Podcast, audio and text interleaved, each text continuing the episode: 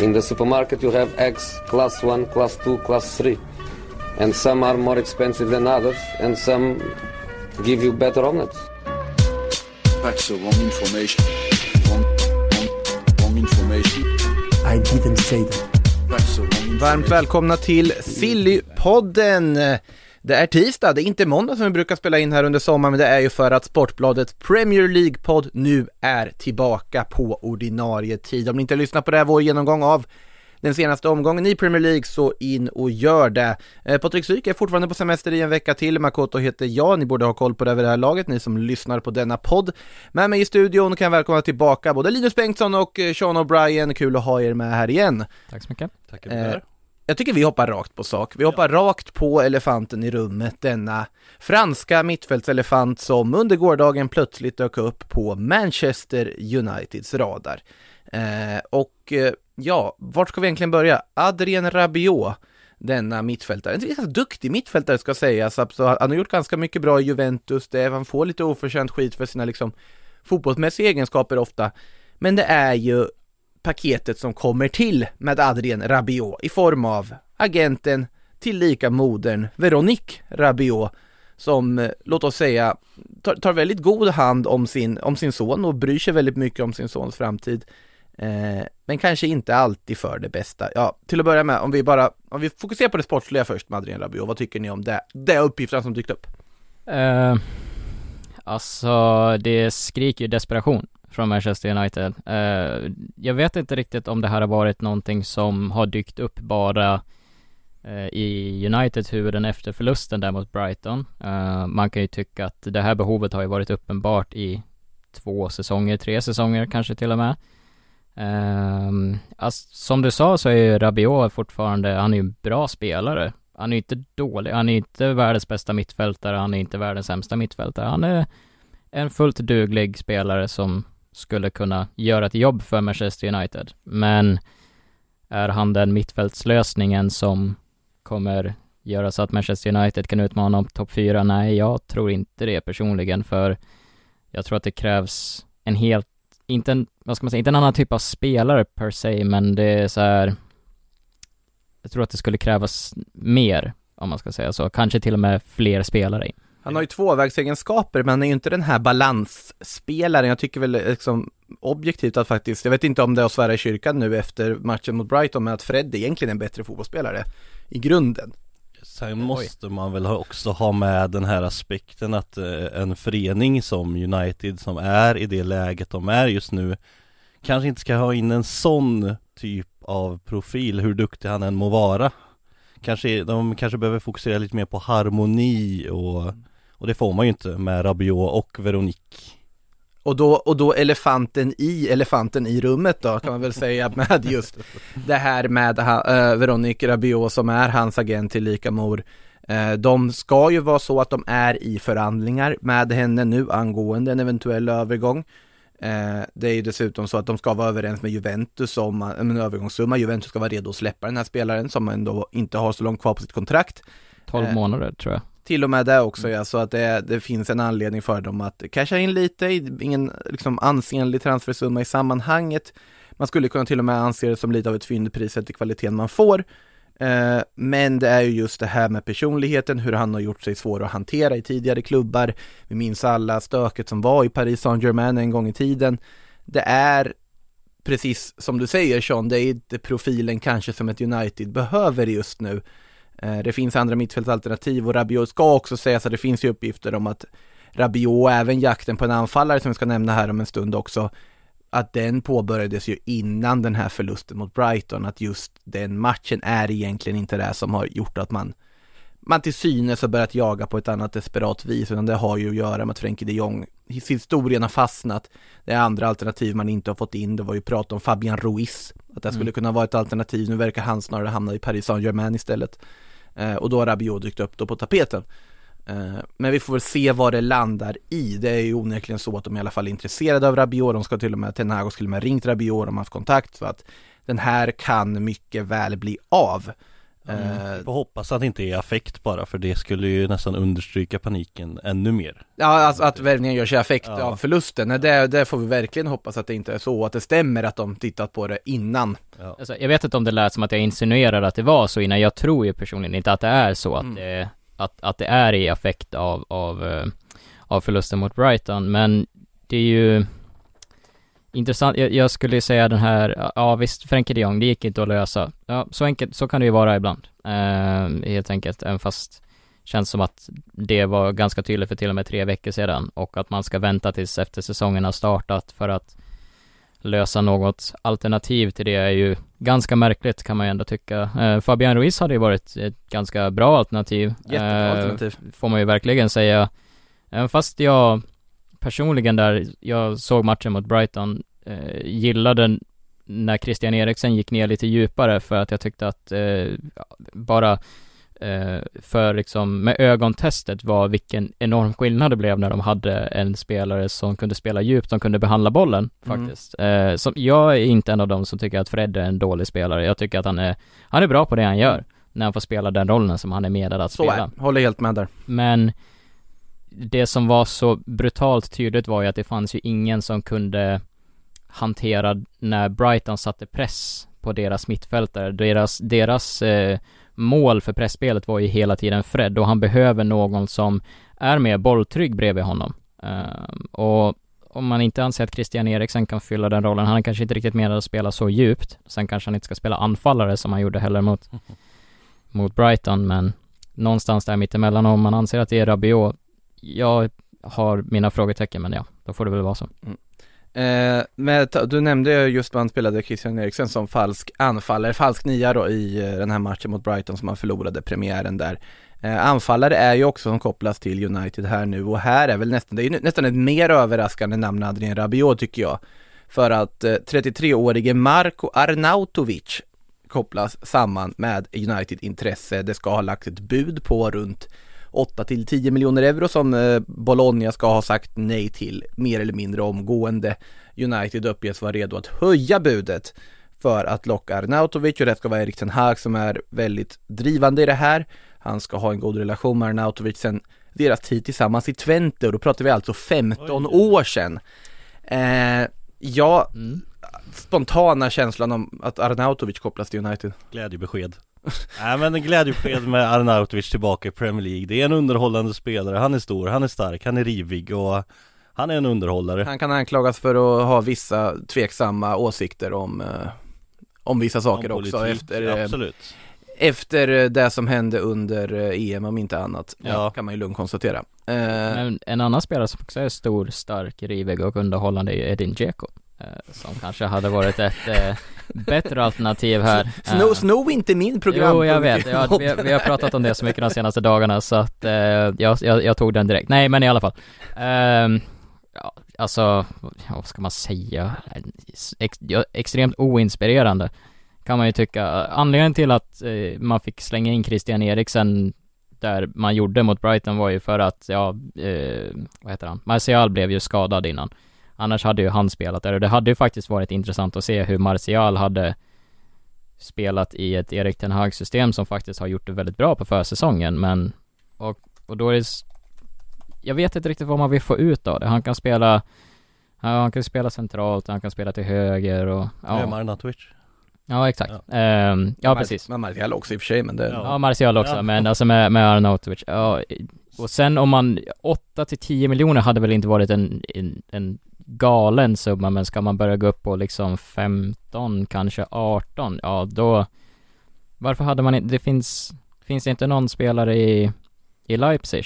eh, Eller något sånt. måste- Eller i, i, Salzburg eller något sånt som man hade kunnat plocka istället, som vi kanske kommer komma till senare i vi, programmet. Men. vi måste ju också lägga till att eh, det har ju inte gått toppen för Uniteds rutinerade anfallsvärvningar på tid- Jag tyckte Cavani var väl i och för sig en ganska bra värvning ska ju sägas. Ja, Eh, jag tänkte, jag tänkte egentligen på Falcao ja, nu, nu, då backar vi band så att säga, ganska Odion, rejält. Odion Igalo.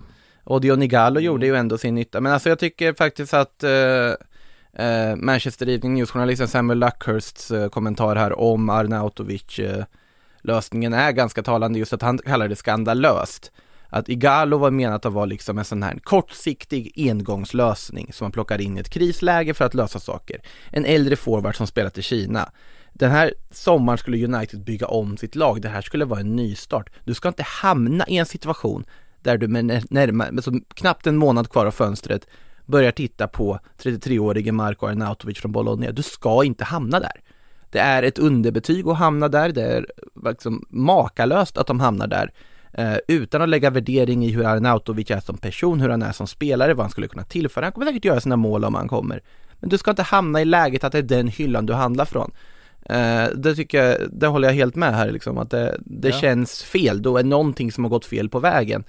Eh, Men det känns också som att vi har varit här så många gånger innan. när vi Exakt snackar så, om exakt att. Manchester United, ja men det här var, nu, nu kommer Mourinho in och nu, nu är det här sommaren de ska bygga om och då plockar de in förvisso en fortfarande fantastisk 36-årig Zlatan Ibrahimovic. Och sen så kommer Ole Gunnar Solskär in, ja men då ska vi bygga om och så sen så slutar det med att vi plockar in en kortsiktig lösning med eh, Odion Igalo som har varit och spelat i Kina. Och sen så kom Erik Ten Hag in, ja men nu ska vi bygga om igen och då slutar det med att vi plockar in en 33-årig Marko Anautovic för kanske 15 miljoner från Bologna. Alltså vad, vad håller de på med? Ja, nej det, och det fascinerande är, och det har vi varit inne på för flera år sedan också, att det finns få klubbar som man kan sitta i en studio och bli så arg på som Manchester United. Alltså det var, ja, det, det, det är sanslöst, det är liksom ingen av oss som sitter här är liksom investerade i Manchester United på så vis, men det är också ändå så här, förstå vad en Manchester United-supporter och känna det här, det måste vara otroligt jobbigt när, när det blir så här, för vi som inte är liksom emotionellt kopplade till United blir förbannade, eller jag blir det i alla fall. Det, Ja men alltså, Jag gillar underhållningen Ja, det, och det, och det är väl det man i grunden det- gör i podden exakt. såklart. men- absolut, det är, ju- det, är ju, det är ju lite underhållande får man ju ändå säga, men samtidigt så kommer det också till en punkt när det bara, nästan bara blir tragiskt. Ja, Ehm, och ja, jag vet inte hur det är med alla andra, men jag kollar ju på fotboll för att bli underhållen. Jag vill ju inte se liksom, när man växte upp och liksom såg eh, alla de fantastiska United-lagen som spelade otrolig fotboll med fantastiska spelare som Van Nistelrooy och Rooney och eh, Van Persie där mot slutet av Fergusons era och bla bla bla. Och sen så till nu på senare år så har jag sett liksom, ja, som sagt, in, inget ont mot Odion Igalo eller Marko Arnautovic men alltså, ja, det man, jag vill ju se, jag vill se bra fotboll och jag tror inte att det kommer leverera liksom bra fotboll och vad, vad, är, vad är syftet? Ska man, är det för att ta sig till Champions League? Jag tror inte att det kommer göra det för dem. nej det är onekligen eh, svåra tider i Manchester United just nu, oklara tider. Släng in en langa på topp så löser vi det, nu går vi vidare Ja, vi får se vad som händer där helt enkelt. Eh, United alltså som fortfarande uppenbarligen har saker de vill åtgärda. Det ska sägas att det har ju dykt upp lite uppgifter om att Sergej Milinkovic Savic kan vara aktuell för United också. Där pratar vi dock en spelare som jag absolut hade sett mycket mer rimlighet i att värva. Och nej, absolut, Sergej Milinkovic Savic ryktas alltid till Manchester United. Japp. Men om det nu skulle ligga någonting i det för den här, den här gången och att det är liksom en pojke som skriker varje situation att nu plötsligt händer det. Ja, då, Mm. då är jag den som skulle kunna stötta det i alla fall. Jag vet att jag för någon vecka sedan kallade honom en sämre Frenkie de Jong. Jag vet inte om jag kan vända på den här veckan och kalla honom åtminstone en väldigt, väldigt mycket bättre Adrian Rabiot. Ja, det, det, Ehm, Nu, nu håller väl inte jag med om den sämre Frenkie de Jong-liknelsen, men den bättre Rabiot-liknelsen kan väl på något sätt köpa. En resligare Adrian Rabiot är han ju dessutom. Men han, jag tror han hade faktiskt passat rätt bra exakt för den rollen som de behöver Ja. på det ja, mittfältet. verkligen. han, eh, exakt det som de Jong hade, Mm alltså det syftet han hade fyllt, eh, hade Milinkovic Savic gjort på det mittfältet. Han hade varit bra, ja, för dyr, men bra. Vi ska prata mer United mittfältsalternativ, för det har kommit många frågor om det, men jag tänker att vi rör oss lite bort från Manchester till att börja med här och tar en paus från detta innan man liksom samlar upp för mycket energi av det. Eh, och går till eh, Chelsea istället, en annan klubb som har en del att göra inför slutspurten. Mark Kukureya har presenterats och värvats och debuterat och allt möjligt. Eh, minns faktiskt inte om vi hann få med det senaste gången vi spelade in eh, oklart just nu, betalade en ganska saftig summa i alla fall, gjorde de. Eh, för eh, Brighton, spanjoren och han har debuterat och dessutom då Cesar Aspilicueta kvar i laget. Marcos Alonso verkar vara på väg till Barcelona nu, det verkar vara så gott som klart. Den har man ju liksom haft på standby fram tills man har löst den situationen som med Kukureya nu då som man har gjort. Eh, men Chelsea är inte klara för de vill också ha lite andra förstärkningar. Det har pratats om Pierre-Emerick Aubameyang till anfallet, det har pratats om Frenkie de Jong. Eh, vi kommer in på Frenkie lite senare, nu stänger kanske hälften av er av här för att det har varit väldigt mycket Frenkie de Jong och Barcelona men får försöka hålla det kort för det har faktiskt hänt saker där det ska Ja, nu har det sägas. hänt grejer på riktigt Ja, det har hänt saker, vi kommer till det. Spännande sak. Eh, så är det onekligen. Men vi börjar med Wesley Fofana. För att eh, Chelsea vill ju ha honom till försvaret. Eh, verkligen vill ha honom. Ska ha lagt ett bud på 70 miljoner pund som Leicester ska ha sagt nej tack. Och sen startat honom eh, mot Brentford. Eh, ett sår genom eh, vad heter det, studion här när vi också säger att Chelsea vill ju fortsätta buda för att lösa Wesley Fofana och Linus Bengtsson ser väldigt pressad och eh, sammanbiten ut här. Ja men, ja okej, alltså 70, 70 miljoner, var, var det pund, var det 70 miljoner pund var det budet som var nekat? Ja. Åh herregud, ja. Eh, Ja, ehm, överpris känns inte riktigt som att det gör den här eh, affären rättvisa, eh, det ordet. Men Alltså herre, jag, ja nej, jag, jag tycker inte att det är värt det. Eh, Jag tycker att det finns säkert en otroligt mycket bättre mittback ute i Europa som Alltså som, som hade kostat kanske runt 50 miljoner skiktet istället och som hade varit kanske mer beprövad, mindre skadebenägen dessutom och eh, sen, jag vet inte riktigt de har ju, de har ju spelare som Malong Sarr i, i truppen som ryktas lånas Nej. Malangsar är väl inte ens kvar någon mer för jag tror att han redan skickats till Monaco. Han har sk- redan skickats till Monaco. Ja, jag är tänk- ganska säker på att han, jag vet inte om han presenterats av Monaco men han är på väg att skickas till dem. Du kan fortsätta på utläggningen men jag kollar upp det. Eh, naivt eh, att skicka honom eh, redan när man har eh, tunt med mittbackar redan som det är. Nu vet jag inte riktigt, var det Koulibaly som skadade sig mot eh, i, i premiären?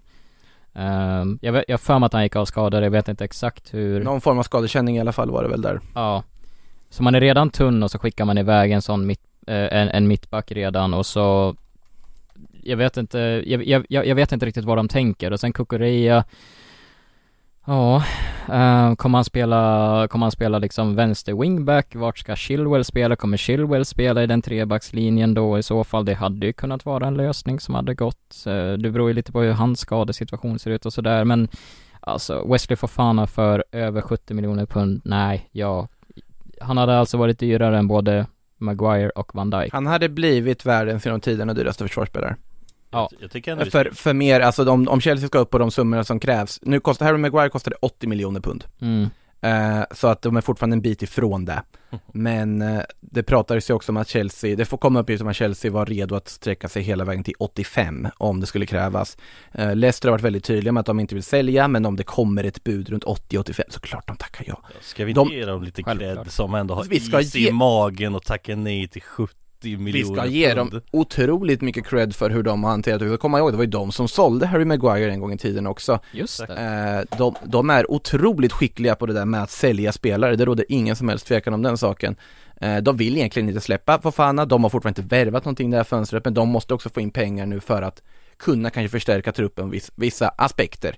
mm. Eh, de har varit väldigt kyliga, uppenbarligen då här, spelar dessutom både Madison som också ryktas bort och Fofana i premiären.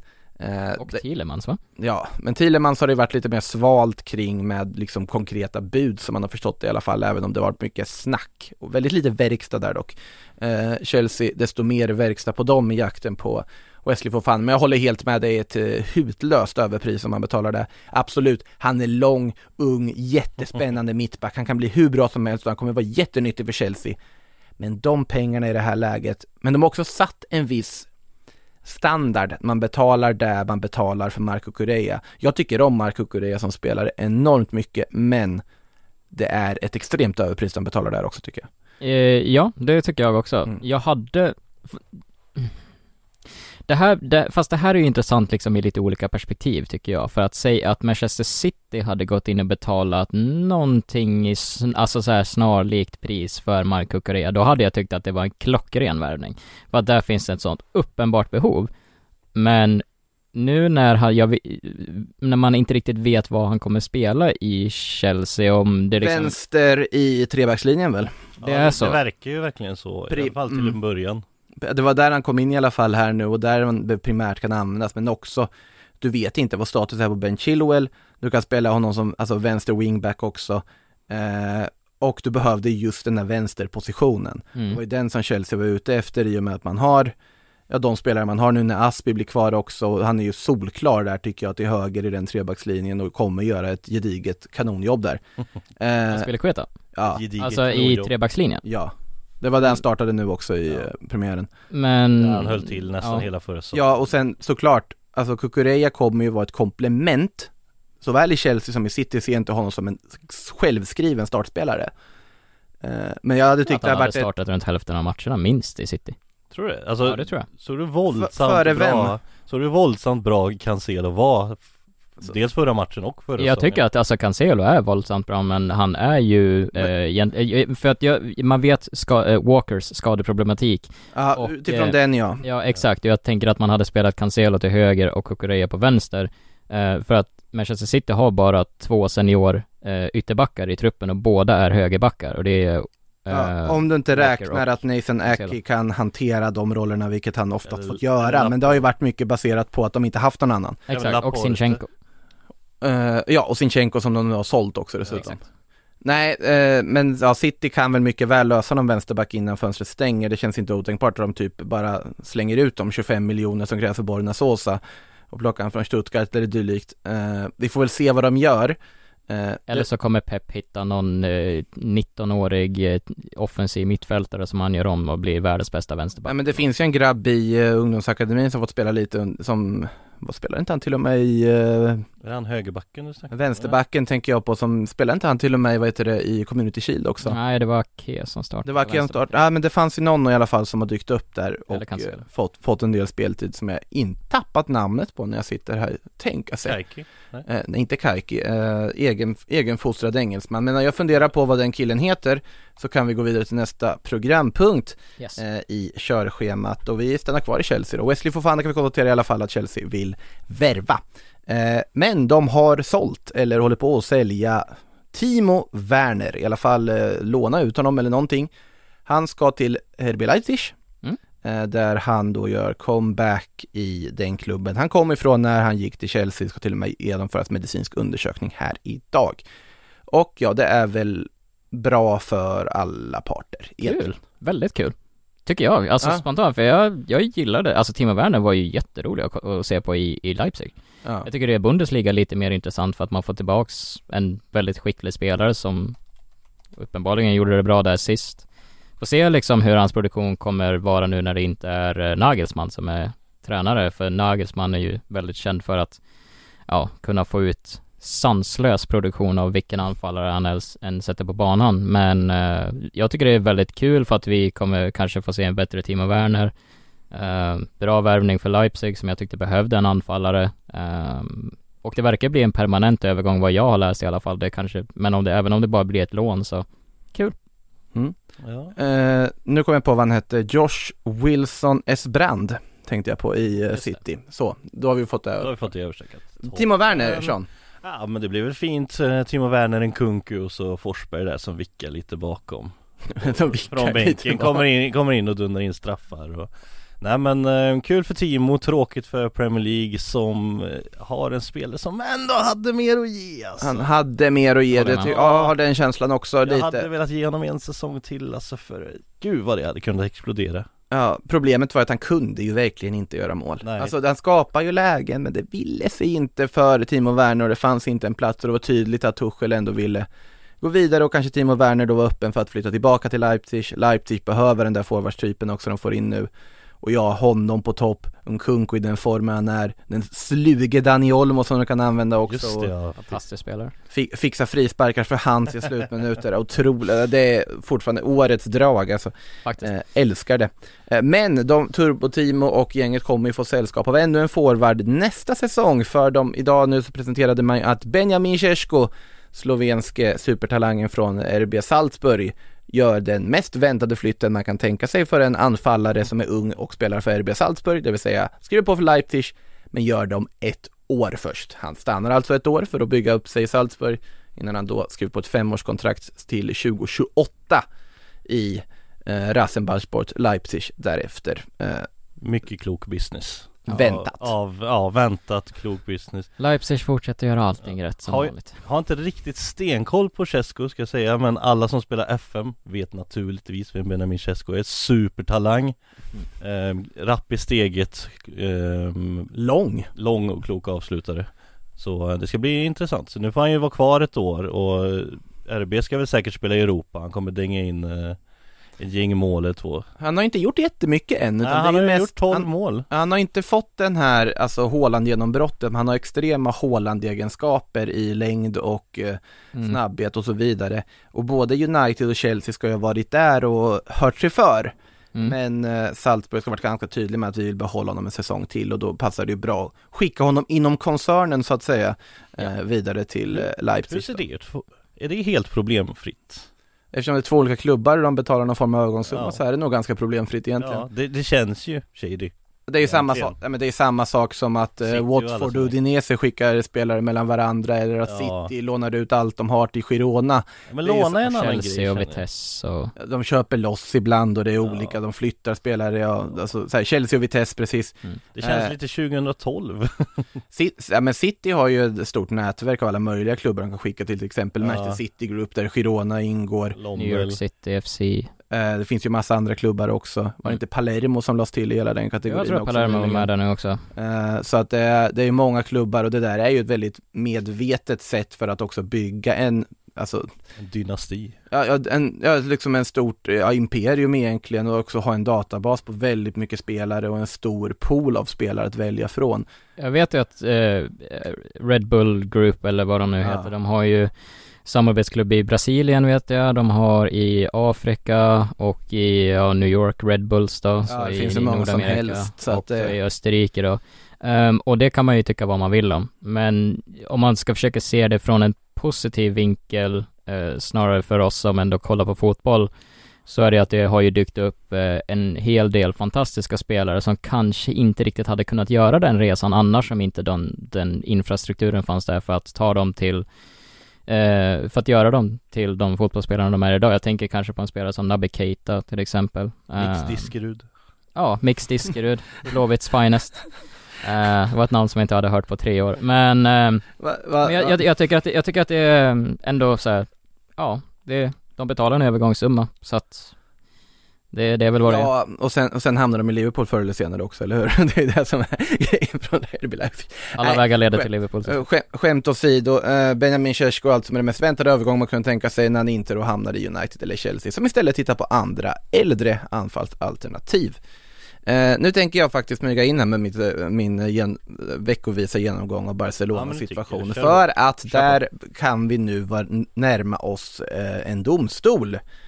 Och detta i och med att Barcelona då ska ha informerat fyra av sina spelare i klubben, Frenkie de Jong, Marc-André ter Stegen, Clement Langlet och Gerard Piqué, om att deras kontraktsförlängningar de skrev på 2020 ska ha skrivits på under kriminella former. Att det ska vara liksom helt felaktigt gjort från den tidigare ledningen med Josep Maria Bartomeu i spetsen. Vilket har gjort att om man då är redo att ta det här till rätten, om man får rätt i en domstol, så kan alltså dessa avtal annulleras vilket innebär då att de här spelarna kliver tillbaka till sina originalavtal som de skrev på tidigare. Vilket plötsligt skulle innebära att Ter Stegen till exempel har bara ett år kvar på sitt kontrakt eller mindre än det. Samma sak med Langlais som just nu är utlånad till Tottenham. Eh, det skulle innebära samma sak för Frenkie de Jong skulle bara ha ett kontrakt till 2024 med en betydligt mindre lön. Gerard Piqué ska enligt spanska uppgifter dock ha accepterat ännu en lönesänkning för att hjälpa klubben och har hyllats ganska mycket för det också i Barcelona-kretsar. Eh, Men det här då alltså att nu är man redo att ta det här till rätten eh, för att då sänka deras löner och det börjar bli mer och mer och mer och mer rörigt för varje dag som går detta. Det är nästan absurt skulle man vilja kalla det Med det sagt, i det här fallet om det nu stämmer att de här kontrakten har skrivits på ett lagvidrigt sätt, då ligger ju, då är det ju bara Josep Maria Bartomeus ande som fortfarande ligger över allting som sker i den klubben på hur misskött den var under honom. Absolut. Ja. Men, eller förlåt Sean. Ja, ja så, så var det och det är ju nästan det jag menar med absurt Alltså hur kan någon lämna en klubb så dåligt skött bakom sig? Alltså det, Det, Det är en nästan gåta. imponerande. Ja. Det är nästan som att han är liksom någon infiltratör från Real Madrid eller något Precis sånt det som har varit där. Ja, det, ja, det är helt makalöst om det stämmer med att det här ska ha skett någonting och det har ju varit, eh, alltså alltså lagvidriga saker har ju skett under den ledningen. Det råder ingen tvekan om. Sen är det lite det här, okej, hur mycket vet spelarna själva om hur mycket som har tänjts på regler i samband med de här kontraktsförlängningarna. Och det är ju det som varit lite det här som man har hotat med sägs det ju. Mm. Som också gör att spelarfacket och så vidare tittar väldigt nära på vad som händer med Frenkie de Jong just nu, om han utpressas på att försöka sänka sin lön eller inte. Det verkar ju så. Eh, ja, det är onekligen, och de ska ha aktiverat en fjärde economic lever nu också för att försöka registrera alla nyförvärv. Så det är det som har hänt i Barcelona. Nu går vi vidare Men- från det. Jag tänkte bara säga på Ja. tal om regelvidrighet, inte för att dra oss tillbaks ner i Barcelona-träsket, men eh, finns det inte, det verkade som att det kom fram att eh, en av de här economic levers hade ju utförts på ett lagvidrigt sätt också, från Barcelonas håll och nu kan man inte skylla på Bartomeu. Det, det, ska, Ehm. någon ska, det var något, något form av liksom skalbolag som byggs någonstans som La Liga reagerade på. Jag ska inte gå in för tydligt jag vet inte vet exakt vad som har hänt här. Men det var det som var en av anledningarna till att 1,5 miljarder saknades om man jämför, liksom, att det skilde 1,5 miljarder med vad La Liga räknade ut att Barcelona redovisade och vad Barcelona redovisade själva att de har fått in på sina hävstänger. Exakt. Vilket gjort att de måste aktivera en fjärde, det vill säga sälja mer av Barca Studios för att kunna registrera nyförvärv. Ja, för så som jag förstod det så hade de betalat sig själva snarare och utan att ha bokfört det på korrekt, nu ska vi inte gå in i alldeles mycket sådana här eh, detaljer, men de hade bokfört det på ett sätt som innebär att man måste betala skatt på det, eh, de inkomster man har fått och att man därmed är skyldig spanska staten runt 35 miljoner eh, euro. Det, ja, pre- något i den stilen, precis, att de Ja. behöver skatta på det här på något sätt ja. Är det här, snacka om att gräva sin egen grav? eh, Ja, det-.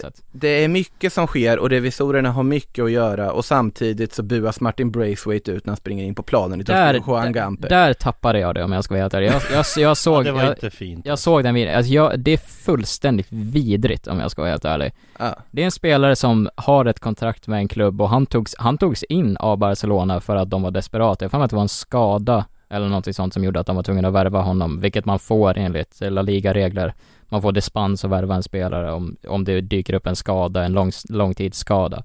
Och han kom in dit och han gjorde sitt bästa. Visst, han kanske inte är världens bästa spelare, men han är en fullgod La Liga-spelare och så får han ett kontrakt av klubben som han accepterar och så buas han ut av fansen för att han vill, vill vara där och fullfölja det kontraktet. Jag tycker det är fullständigt vidrigt beteende från Barcelona. Fansen. Uh, i- jag, jag hade skämts över klubben om jag hade varit Barcelona-supporter faktiskt, i, i det syftet. Ja, nej det är otroligt tråkigt att han, han blev utbuad och jag håller med liksom. Han, han gick, lämnade Leganes och att Leganes åkte ur för de hade ingen forward kvar. Den, den säsongen han lämnade efter transferfönstret hade stängt. Ja, det var, det var rörigt minst sagt. Han sprang Eh, ut med ryggen högt Det gjorde han och vi, han kommer väl antagligen lämna också. Det ska sägas då att det finns en annan spelare som också ska på väg bort och det är ju Memphis Depay. Eh, pratas ju om, först pratades det om 20 miljoner euro i övergångssumma man ville ha men det jag insett att det kommer aldrig gå, det är ingen som kommer betala det. Så nu är man redo att bryta kontraktet med Depay för att hitta en ny klubbadress åt honom för att bli Mm. av med då hans lön och så vidare. Och där sitter Juventus och är redo, för de är redo att ge honom ett tvåårsavtal eh, för att få in honom. Och det tycker jag väl är väl en jättebra förstärkning för Juventus i det här läget. Absolut. Verkligen vilket anfall de kan få med Vlahovic En hel Chiesa och Memphis Depay Ja men alltså i läget Juventus är ekonomiskt och de har tappat eh, Pa- Paolo Dybala Att få in Memphis Depay då tror jag som är revanschsugen som, som faktiskt, vi ska komma ihåg det, han var Barcelonas bästa målskytt i ligan förra säsongen Eh, Det är en jättebra fotbollsspelare Absolut. Jag tror att det, det är faktiskt en ganska bra lösning för Juventus, jag förstår helt varför de är på det Och jag brukar inte sitta och prata ganska positivt om Juventus transferförfarande i den här podden Men i det här fallet tycker jag att det känns ganska rimligt eh, På alla sätt och vis Jättebra spelare, alltså han var ju i, i Lyon till exempel var han ju helt otrolig. Alltså det, visst att det inte gick så bra för honom i United, men det är han ju inte den enda anfall, han är inte ensam om det liksom som anfallare. Ehm, fantastisk spelare och om Juventus kan lyckas få en, en rabatterad lösning på, på sitt anfallsproblem, jättebra värvning för dem. Ja, onekligen så. Eh, vi ska vidare ah, och Juventus är ju inte, det är inte bara Memphis Depay de tittar på, någon som är mycket närmare en övergång som till och med vi har fått ett here we go på är ju Filip Kostic. Eh, Eintracht Frankfurts eh, serbiske ytter. Han eh, kommer inte vara med i den eh, trupp som ska spela Supercupfinal mot Real Madrid här i eh, Helsingfors imorgon. Eh, men, och han ska vara ja, på väg till Juventus helt enkelt och det tycker jag är väl en rimlig förstärkning också. 16 miljoner euro sägs prislappen ungefär ligga på. Känns spännande Ja. att Kostic eh, ska han äntligen, äntligen ta det där steget till en större klubb. Man kommer ihåg när han harvade omkring där med Ekdal i Hamburg. Nu har ändå spelat Europa League-final eller var det Champ Ja, Conference League? det var, de vann Europa De vann League. Europa Det är League, därför de ska spela Supercup Ja, också. just, fair enough. Men eh, alltså, han har ju, Frankfurt är ju en stor klubb men nu får han hoppa upp ytterligare steg där och testa vingarna. Han är väl 30 år gammal. På ett sista, sista fett kontrakt. Har det gött. Ja, Ja. ehm, precis, han fyller 30 november, eh, verkar det som. Och eh, jättebra, alltså summan är ju bra. Ehm, och bra spelare. Det är en ytterligare en smart värvning, så att man kan få in både Depay och Kostic där. Kon- konkurrerar väl lite på samma position då? Depay, Ja, alltså Depay är väl kanske lite mer flexibel egentligen.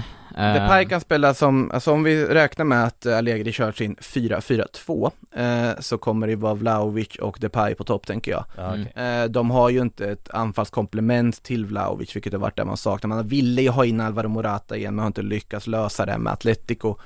Eh, Så Kostic och Chiesa på varsin kant då. Ja, Di Maria har du dessutom Ja. också där. Kostic kan ju gå ner och spela vänsterback skulle jag kunna tänka mig också. Han har ju varit vänster wingback Ja, också. och Sånt. Kostic passar bra i ett fyra, fyrmanna mittfält. Ja, som, som vänsterytter, Ja, ja, som alltså, känns väldigt, väldigt rätt på den positionen också. Eh, och då har du lite alternativ att rotera mellan. Mm. Och sen då om de, om de då säljer Rabiot så behöver de ju också en innermittfältare, men då an, bara förmodar jag om de är så öppna på att sälja honom att de har det klart med att typ plocka in Leandro Paredes. De har Eh. väl annars Weston McKennie och de har Skadad, Pogba skadad, Ja okej. de börjar bli tunt, Artur kan vara på väg bort, de måste ha in Ja. innermittfältare också. Eh, Och då hade Paredes varit en bra, ett bra alternativ. Ja, för Juventus här och nu. Sen Ja. tycker jag att det finns andra saker de behöver, de behöver mittback och så vidare, men det, vi får väl se vad de hittar på här under de sista dagarna av transferfönstret. Eh, Fabian Ruiz, han sitter ju i, han nämnde jag förut lite kort där att han är på väg till Paris Saint-Germain, vi kan konstatera att det är en supervärvning av dem. Eh, nu är det väldigt många innermittfältare de ska ha dock. Vitinha har ju värvats in, han har spelat här också bredvid Marco Verratti. De har hämtat in Renato Sanchez. Är inte Fabian Ruiz nästan lite överflödig? Jo. Oh. Ja, definitivt. När det finns väldigt många klubbar som hade mått väldigt mycket bättre av att plocka in Fabian Ruiz för det priset som det pratas om, för det är ju dumt. Manchester United till exempel. Är Ja, inte, han, exempel. är inte han rätt lik också Verratti i sin... eh, Fabian Ruiz är ju lite, alltså det är ju en, det är en lite resligare mittfältare. Ja Ja, men jag tänker passnings... eh, absolut, foten och han sätter tempo, han har- ja utan tvekan. Men jag Kanske han tror, inte är lika aggressiv eller? ja, Verratti kan ju spåra på ett Ja. sätt som Fabian Ruiz kanske inte riktigt gör. Om vi säger så, men det är ju också, han har ju vinnarskalle Verratti. Jag tycker Mm. också han är ganska underskattad överlag bara på att han hänger i Paris istället för Ja, hänga. han är ju, för den kanske bredare europeiska fotbollspubliken så går det väl han väl lite han, han syns i Champions League och så bara oh, jag är en jättefin spelare, sen så glömmer man bort honom när han ska spela mot Reims och Nantes och Ja, Amiens och och alla de där Och sen spelar Italien mästerskap varannan gång, då kommer han på honom igen Ja, exakt. Fantastisk spelare. Ehm, Mm. Och ja, eh, som, men jag håller med om att Ruiz hade varit ganska överflödig. Jag tycker väl att Alltså kommer bli det, för han är ju i princip klar. Det, det ska ju vara Ja. liksom helt eh, klappat, verkar det som man ska tro det som har rapporterats i alla fall, rätta mig om jag har fel. Gör man inte plats för en så bra mittfältare dock? Alltså, Jo, och sen, och sen kan man ju använda, vad heter han, Vitinha som alltid, jag vet inte om han är tänkt att vara liksom ordinarie alternativ hela säsongen. Du har, du ska spela på bred front, du måste rotera in i liksom ligaunspelet och i cuperna och allt vad det är liksom. Och det finns också en anledning här till att man går för Fabian Ruiz nu. Och det har ju mycket att göra med att hans kontrakt går ut 2023, du kan få honom för en billig peng. Men du också vet att Real Madrid sitter och lurar i vassen på att plocka honom på fri transfer 2023. Där kan vi dock fråga oss hur, varför Real Madrid överhuvudtaget överväger Fabian Ruiz i det här läget med tanke på deras mittfältalternativ. exakt. Där kan vi prata överflödigt. Mm. Eh, då, alltså Jude Bellingham kan man ju förstå baserat på vem han är och liksom talangen, men ja Fabian Ruiz som sagt på väg till Paris Saint-Germain, väldigt duktig mittfältare. Stort tapp för Napoli ska ju också sägas att det är såklart. Eh, hade det inte varit något för Liverpool annars? Ja, ska vi komma in på Liverpools mittfältskris? För Thiago Alcantara är skadad. Han missar ett gäng matcher. Sex veckor har jag hört. Det är en del matcher som går inom de sex veckorna på ett väldigt tajt matchschema. Ja, Ja, det ska ju nu. spelas fem matcher i augusti bara. Så, ser. eh, eh, ja, det, det är ett jättetapp, eh, är det. Och lägg till till den mittfältsskadelistan som redan har Curtis Jones och Oxlade Chamberlain på sig. Eh, så eh, just nu så är väl mittfältsalternativen, vad är det, Fabinho, Henderson, Milner, eh, Du har Keita är tillbaks, vet jag i alla fall. Jag tror att han kommer starta på måndag eh, mot Crystal Palace. Ehm, och så har du ju Carvalho och ehm, eh, Harvey Elliott. Elliott, Harvey. precis. Som är, jag såg en ganska intressant tweet om det där att Liverpool har ju två mittfältare som är på väg utåt i sin karriär, i Henderson och i Milner. Och man har, eh, vad ska man säga, två väldigt skadebenägna mittfältare i Thiago och Sled Chamberlain och du har eh, två mittfältare som är väldigt, väldigt, väldigt unga i Carvalho och Elliot som är 18 och 19 respektive, eller båda är 19 kanske till och med. Um, så det ser ju, det, det kanske ser bättre ut än vad det egentligen gör och det mittfältet är i behov av en förstärkning och där hade ju Fabian Ruiz kanske varit ett alternativ. Men Liverpools transferstrategi de senaste åren har ju verkligen varit att om det inte man har ju väldigt sällan gått för en kortsiktig lösning på ett kortsiktigt problem som jag har tolkat som att Klopp anser att det här är. Ehm, utan att man hellre vill sitta lugnt i båten och gå för Jude Bellingham nästa år som är det uppenbara alternativet. Vem Som hade varit fantastisk på det mittfältet för att det Liverpool saknar väldigt mycket är ju en anfallare, äh, en mittfältare, en som kan spela den där högra mittfältsrollen som kan bidra med poäng också. Mm. Det har ju saknats. Förslag? Trent? Steppar upp igen? Nej, absolut inte. Absolut inte Trent som mittfält. Nej, han ska, han, ska vara, han ska vara quarter högerback. Men Alltså- Trents styrka är ju inläggsfoten och han kommer ju inte, när, för det är det som gör honom så fantastiskt bra när han får spela ute på en kant är att han kan ju bara måtta inlägg på inlägg, han kan vända spelet mot Robertson, han kan vända liksom, det är det som är hans enorma styrka och sätta honom i mitten som det har diskuterats att man ska göra i engelska landslaget också, det hade varit att ta bort hans spetskvalitet. Jag håller, håller helt med, det är nog inte aktuellt att sätta honom där. Det var bara förslag. Ja, ja, ja absolut. Ja, det har ju Han, han, uppenbarligen var, diskuterats. exakt, han, han började ju sin karriär som defensiv Ja, mittfältare ska sägas. Ehm, men s- j- jag är tveksam faktiskt om Liverpool kommer köpa en mittfältare. Jag tror faktiskt Tror inte heller de det. Men Ruiz, ett alternativ, det har snackats om Matteus Nunez från eh, Sporting. Mm, ja, det, hade varit det, ett alternativ, men inte riktigt den rollen som de behöver tycker jag, utan det, det finns ett tydligt glasklart alternativ och det är Bellingham och jag tror att mm. Liverpool precis som de gjorde med Van Dijk, att de sitter lugna och får det att funka tills de kan få den de verkligen vill ha, som de kan bygga långsiktigt på. Onekligen tror jag också att det blir så. Eh, det måste vara helt, och Bellingham är ju, alltså det är så klippt och skuret för Liverpool att det inte finns 100% egentligen. Ja, det finns, Äh. det finns en sån, det, är, det finns så tydligt det utrymmet för honom där. Ja, och hade och, varit kvaliteten och allting, ja det är, det är helt, helt liksom klappat och klippt och allt, allt vad det heter på att han ska in där. Sen kommer det bli en dragkamp med Real Madrid, det är jag helt övertygad om. Eh, får vi se vad Bellingham själv känner om det när det är dags för det. Mm. Eh, svenskt har vi sen på körschemat för Jesper Karlsson kan vara på väg bort från AZ Alkmaar. Och det är då lokala galiciska tidningen Faro de Vigo som rapporterar att ja, ni kan kanske gissa baserat på vilken lokaltidning det är, att han ska vara överens och vara intresserad av en övergång till Celta de Vigo. Och eh, det som återstår, och det är ju en, en del som återstår där och det är ju då att eh, komma överens om en transfersumma eh, med AZ. De ska ha lagt ett bud på 10 miljoner euro, det ska ha nekats. Eh, och så är det med det, lite så. Eh, vi får väl se vad, vad de hittar, hittar liksom om de kommer till en överenskommelse där, men Jesper Karlsson till Vigo, vad sa du om det förut? jag sa att han skulle kunna gå till en bättre klubb. Eh, med det sagt, Celta Vigo Au, outar det jag sitter och säger på redaktionen här när jag brister ut saker utan att liksom filtrera dem. Eh, som man gör på sportredaktioner. Men i alla fall, alltså Eduardo Codet Celta är ju ett hyperoffensivt lag. Det är ju otroligt rolig fotboll de spelar. Nu har de varit lite mer städade och ordnade förra säsongen än vad de var första säsongen under Codet, för det var ju bara totalt kaos. Det var hela havet stormar på alla sätt och vis. Det var ju noll försvar och bara full fart framåt. Det var ju otroligt underhållande. Eh, de behöver ju den typen. Alltså det, jag förstår varför Celta Vigo vill ha honom. Alltså Mm. det är precis rätt typ för dem. Sen med hans kvalitet och det han har gjort i Eredivisie, han skulle kunna gå till en bättre klubb. Fast, ja, jo, potentiellt. Mm. Men jag tycker att det här är eh, det perfekta steget för honom. Jag, eh, om det nu stämmer att han, eller eh, om det nu visar sig Om att det han nu skulle kommer kunna bli av, ja. Ja exakt, om det blir av, om de väljer att höja sitt bud eller inte så tycker jag att det här är ju precis det steget han ska ta i sin karriär.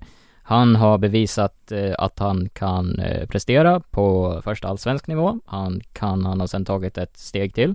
Visat att han kan prestera Stort steg till. stort steg till i en, en jättestor klubb i, i Nederländerna, Mm. eh, att han kan prestera där. Och sen så nu är det nästa steg under precis det högsta skicket kan man väl, skiktet kan man väl säga. Mm.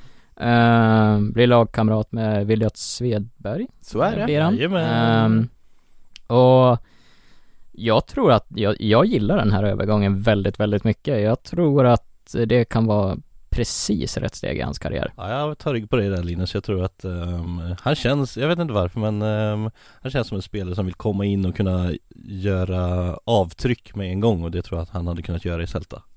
Jesper Karlsson, Iago Aspas, Williot Svedberg. mm. Det- Ja, det, det vattnas i, i munnen där Ja, och, så, och så lägger du in lite annat offensivt där på det här mittfältet och så har du, eh, vad heter det, Tapia där som ensam defensiv mittfältare som har den mest otacksamma rollen i eh, spansk fotboll, det vill säga vara ensam städgumma på ett Celta Vigo mittfält. Han måste ta hand om allting som lämnas på honom Exakt. när alla andra har sprungit iväg. Och inte Eh, glömma Josef Aido Ja, som är där bakom också, Mm. men han är ju i försvaret och det, nej men det, det ska bli kul att följa Celta den kommande säsongen och se vad som, eh, Och det var ju en annan skandinav också som gjorde liknande flytt innan och presterade på en bra nivå i några år där också i Pione Sisto.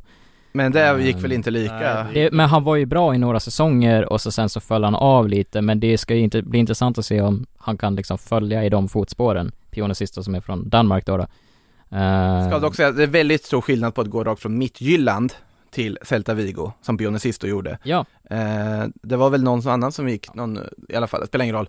Eh, och han hamnade ju tillbaka i Mittjylland efter ett tag också. Mm. Spelade faktiskt över 100 matcher för Celta Vigo, det hade jag helt missat att det var så många matcher han faktiskt gjorde i Celta. jo, men då Ja. kommer ju han, se, eh, ehm, eh, Karlsson kom in med ett lite bättre CV där också, det känns som att Eh, han Ganska rejält mycket bättre CV. ganska rejält mycket bättre CV så jag, jag ja, jag, jag gillar verkligen den här övergången. Ja, nej men för jag skulle ändå kunna tänka mig se en spelare som, alltså Jesper Karlsson, typ ett lag som så här Roma, eh, Sevilla, Real Sociedad. Du tänker där uppe till och med? Jag tänker där, sett i vad, ja men titta på vilka klubbar som spelar som Cody Gakpo och An- Anthony ryktas till. Jesper Karlsson har haft minst samma nivå i, eh, Två säsonger ja alltså i, under tiden i AZ. Mm.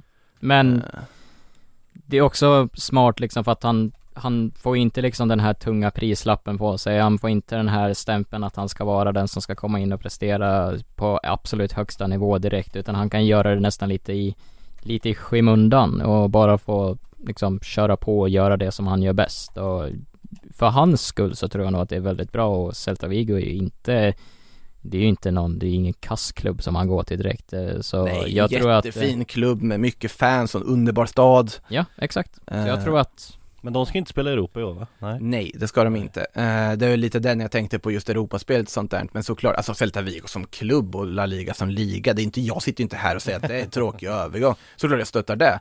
Men, men jag menar att Du jag, menar bara att han kunde siktat högre? jag håller Jesper Karlsson väldigt högt, så kan man säga. Eh, Mm. Jag tycker jag är väldigt spännande spelare. Jag gillar otroligt mycket liksom den, de egenskaperna han har och jag vet hur många klubbar som skulle må bra av dem. Men jag tror också att det kanske blir att vi får en bekräftelse på verkligen vilken typ av, eh, hur bra är han egentligen? Ehm, för när kan gå hit nu och så, Ja men det man vill se nu är ju ungefär liksom samma utväxling som typ Rafinha fick när han gick till Leeds. Ja. Alltså som gick också lite mer rakt ner, alltså från Rennes till Leeds. Mm. Och se den formen av utväxling, då kan vi prata väldigt stora summor om några år. Det hade varit jättehäftigt. Men som sagt, Celta Vigo måste komma överens med AZ först och det är inte säkert att de gör. Eh, så vi ska kanske inte hoppas för mycket än.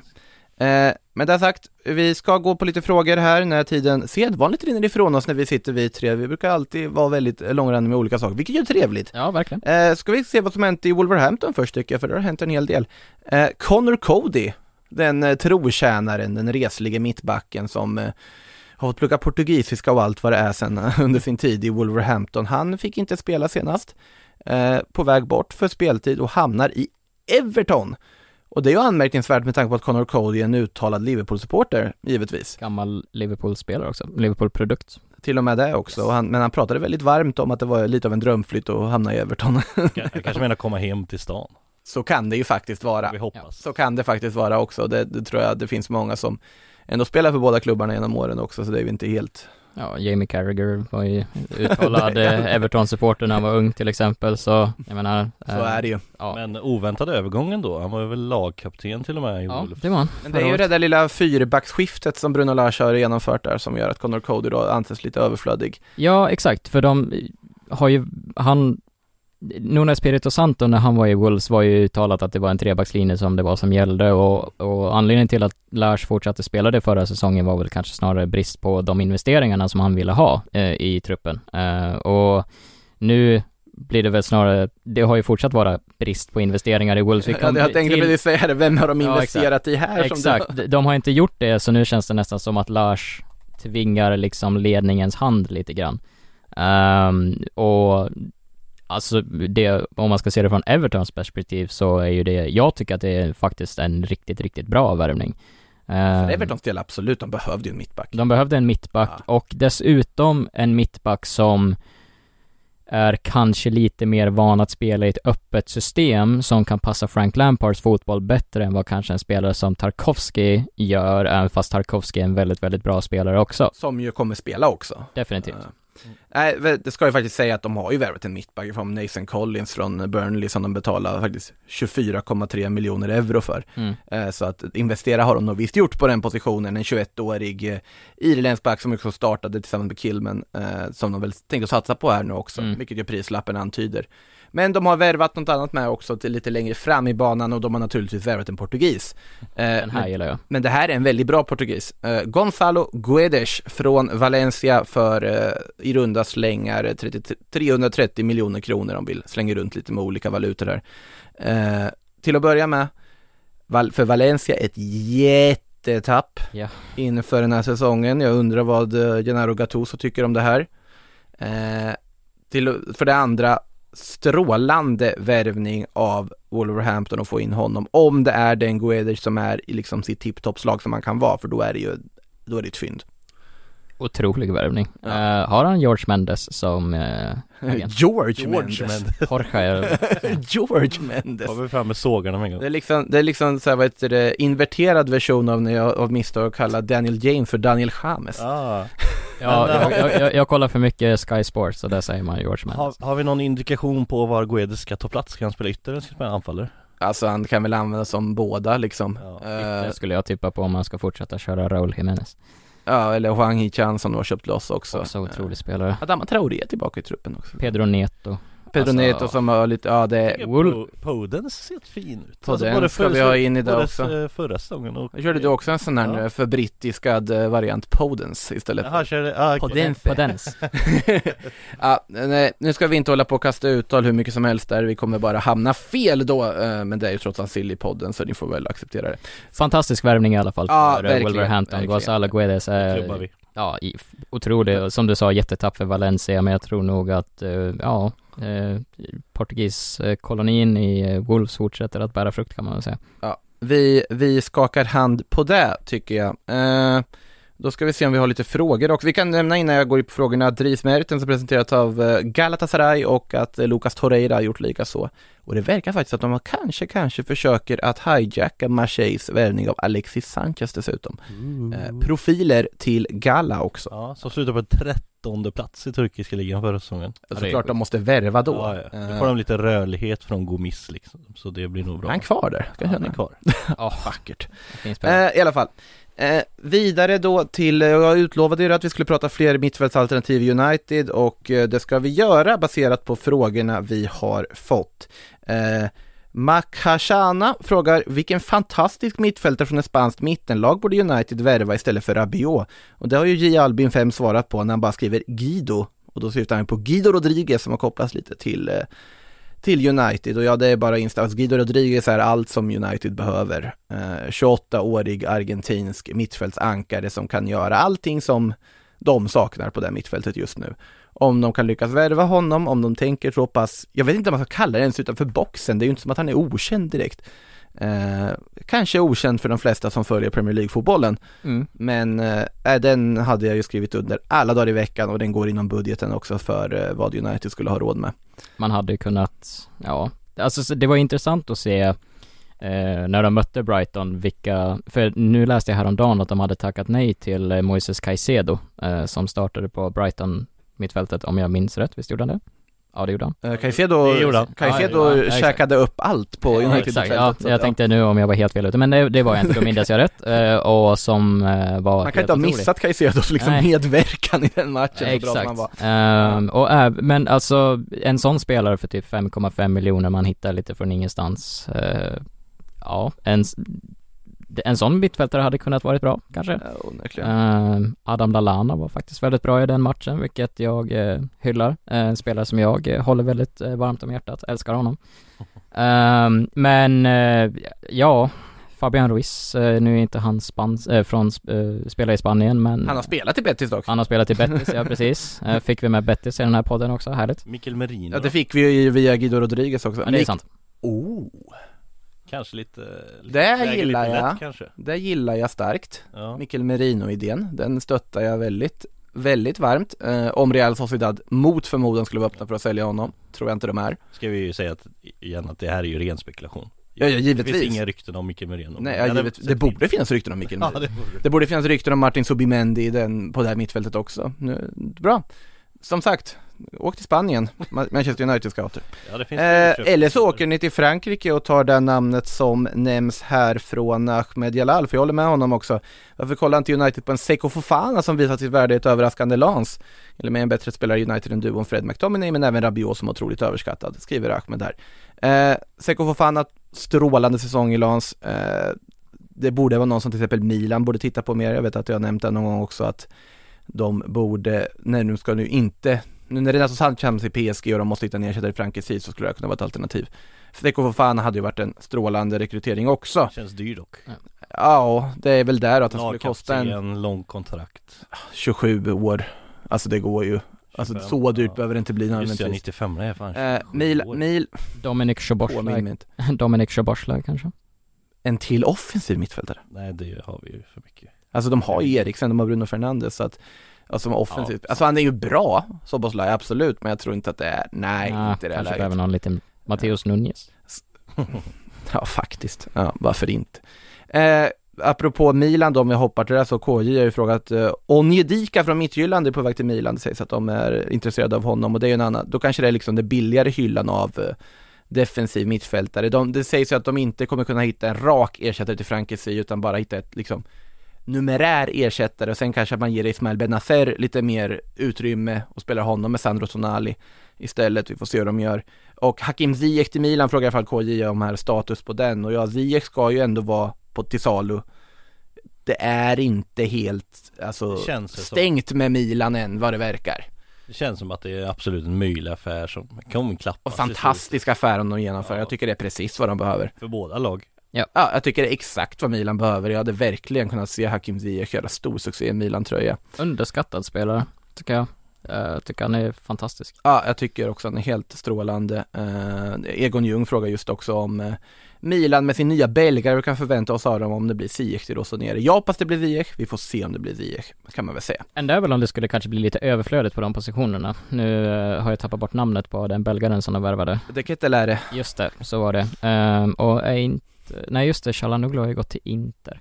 Ehm, så var det. Ja, Ehm, det var, det var ett tag sedan. Det var ett tag sedan, men Nej men kommer- du har ju Brahim Diaz och uh, De Ketelare, alltså Ketelare kan ju spela på yt, alltså i princip alla positioner offensivt. Ja, Och om man tittar på den uppsättning de har just nu, eh, Divock Origi har ju kommit in, du har honom och Giroud, De Ketelaere kan också spela i centrala anfallsrollen. Brahim Diaz är kvar i truppen fortfarande som skulle kunna funka som, som lär kunna använda som tia och rotera med den nya belgaren där. Zlatan är kvar. Eh, till vänster är ju Rafa Leao är ju självskriven av förklarliga skäl, helt fantastisk spelare. Salamakers eller? Sälemäkers ryktas bort. Det är väl snarare så om man ska ta in Ziyech eller någon mer, då är det väl Sälemäkers som måste lämna eller att man då bryter med Brahim Diaz eh, för att då göra plats på så vis. Eh, Junior Messias har man ju köpt loss från. Eh, Rebic är kvar Rebic är kvar som truppkomplement, absolut. Jag tycker ett nyttigt truppkomplement också. Absolut. Eh, så det är väl det som är läget just nu i, eh, i Milan, kan man väl jag, säga. så, jag såg att du hade fått en fråga om Sandro Tonali till Arsenal Ja, Det finns ju inte på kartan Nej. skulle jag säga. Eh, jag ser inte överhuvudtaget hur det skulle kunna gå till. Måste jag ärligt talat säga. Eh, Så, Alltså det hade ju varit fantastisk värvning för Arsenal såklart, men eh, Milan vill absolut inte släppa honom. Vi ska komma ihåg att Sandro Tonali också valde Milan när han kunde valt någonting mycket bättre för att han verkligen ville spela för just Milan. Eh, Det ska till något riktigt, riktigt bra för att han ska gå till en annan klubb. Han gick ju dit på hjärta, för vi ska komma ihåg att Tonali gick till ett Milan som inte är där de är idag. Eh, Så Har att eh, gjort dem till det de är idag. han har onekligen varit med och gjort dem till där de är idag. Ja det ska han få. Eh, det ska han verkligen få. Vi ska se vad vi har mer. Eh, Tobias Pettersson frågar, kan inte Thielemann från Leicester vara ett bra komplement till Liverpools mittfält? PL-vana, bra ålder och överkomligt pris borde göra till ett rimligt alternativ i mina ögon. Nja, nej, Ehm, inte tillräckligt bra, tycker jag. Tycker inte det? Det tycker jag inte. Som komplement? Jaha, jag säger, jag säger ja där. Jag tyckte, bra idé. Eh, ja, jag också. Ja. Ja. Varför inte? nej, jag, jag, jag, jag, jag tycker faktiskt inte det. Ehm, jag tycker att det hade varit lite slöseri med både, alltså det hade varit lite slöseri med resurser och trupputrymme. Ehm, kortsiktig lösning i så fall, för att jag tycker att det, det, det ska in en som Mm. är en riktig spets och så sen så ska man börja fasa ut Milner och Henderson sakta men säkert samtidigt som man börjar fasa in spelare som Elliot till exempel som man verkligen vill spela på det centrala mittfältet.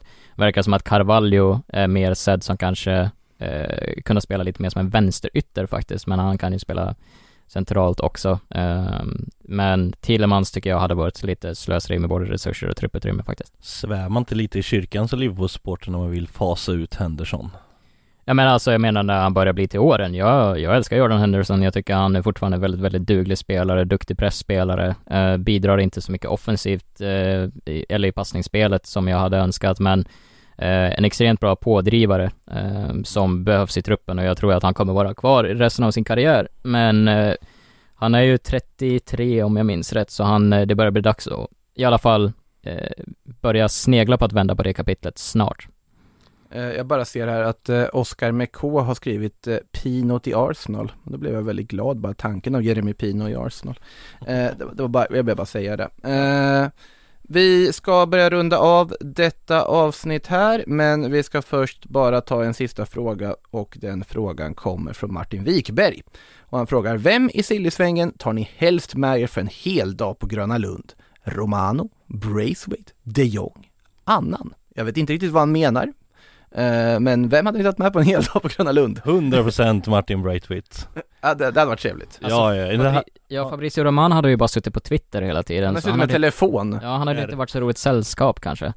Braithwaite har väl också mycket, har väl också Alltså, bra med para. Ja, men, Och Braithwaite känns som att han behöver lite kärlek också, så man kan ta med honom till, jag vet inte, man kan åka lite fritt fall och man kan gå och ta någon öl och bara ha lite gött ja. Eh, av, av de där tre alternativen, och jag tycker vi håller oss till det, för annars blir det för rörigt, så skulle jag också välja Martin Braithwaite.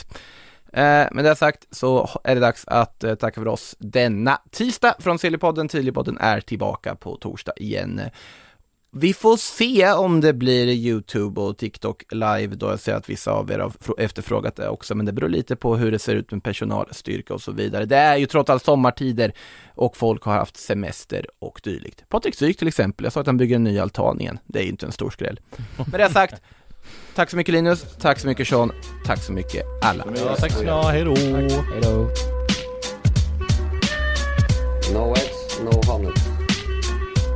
Let me get clear.